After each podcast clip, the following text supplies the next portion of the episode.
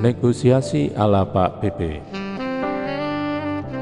Pelayan pernah bekerja sama dengan Pak BP, seorang pemimpin pelayan yang sangat nyawani.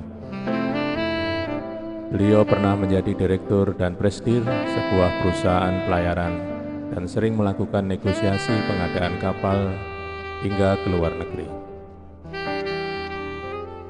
Yang unik dari Pak PP, meskipun sering ke luar negeri dan berhubungan dengan ekspatriat, gayanya tetap bersahaja seperti seorang yang tidak punya pengalaman internasional. Tingkah laku, cara bicara, penampilannya, dan pakaian yang dikenakan sangat sederhana. Jika berbicara, dalam kalimatnya lebih sering keluar bahasa Jawa daripada bahasa asing. Namun jangan ditanya hasil kerjanya. Beliau sering mendapatkan kapal-kapal besar dengan harga yang lebih terjangkau dari seluruh penjuru dunia. Suatu saat pelayan berkesempatan bekerja dengan Pak BP dalam satu tim negosiasi internasional, di mana yang akan hadir dari beberapa negara. Di situlah pelayan dapat belajar dan mengetahui beberapa tips dan trik dalam negosiasi internasional ala Pak BP. Hal pertama yang dilakukan Pak BP adalah menjemput tamu-tamunya atau lawan negosiasinya sejak dari bandara. Semua anggota tim diminta untuk menjemput satu persatu tamunya dan memastikan semua tamu sampai di hotel tempatnya menginap. Kemudian Pak BP akan mengundang semua tamu-tamunya pada acara dinner di suatu tempat yang tidak harus mewah, tetapi di tempat yang menyajikan masakan Indonesia. Selanjutnya Pak BP tidak segan melayani tamunya.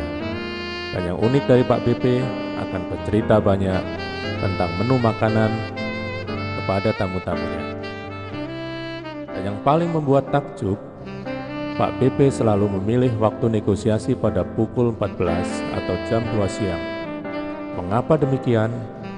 Karena Pak BP akan mengundang tamu-tamunya tersebut pada acara lunch atau lebih tepatnya brunch breakfast and lunch pada pukul 11 siang. Dan pada saat makan siang itu, Pak BP selalu memilih topik sederhana seperti pekerjaan di rumah, acara keluarga, dan sebagainya.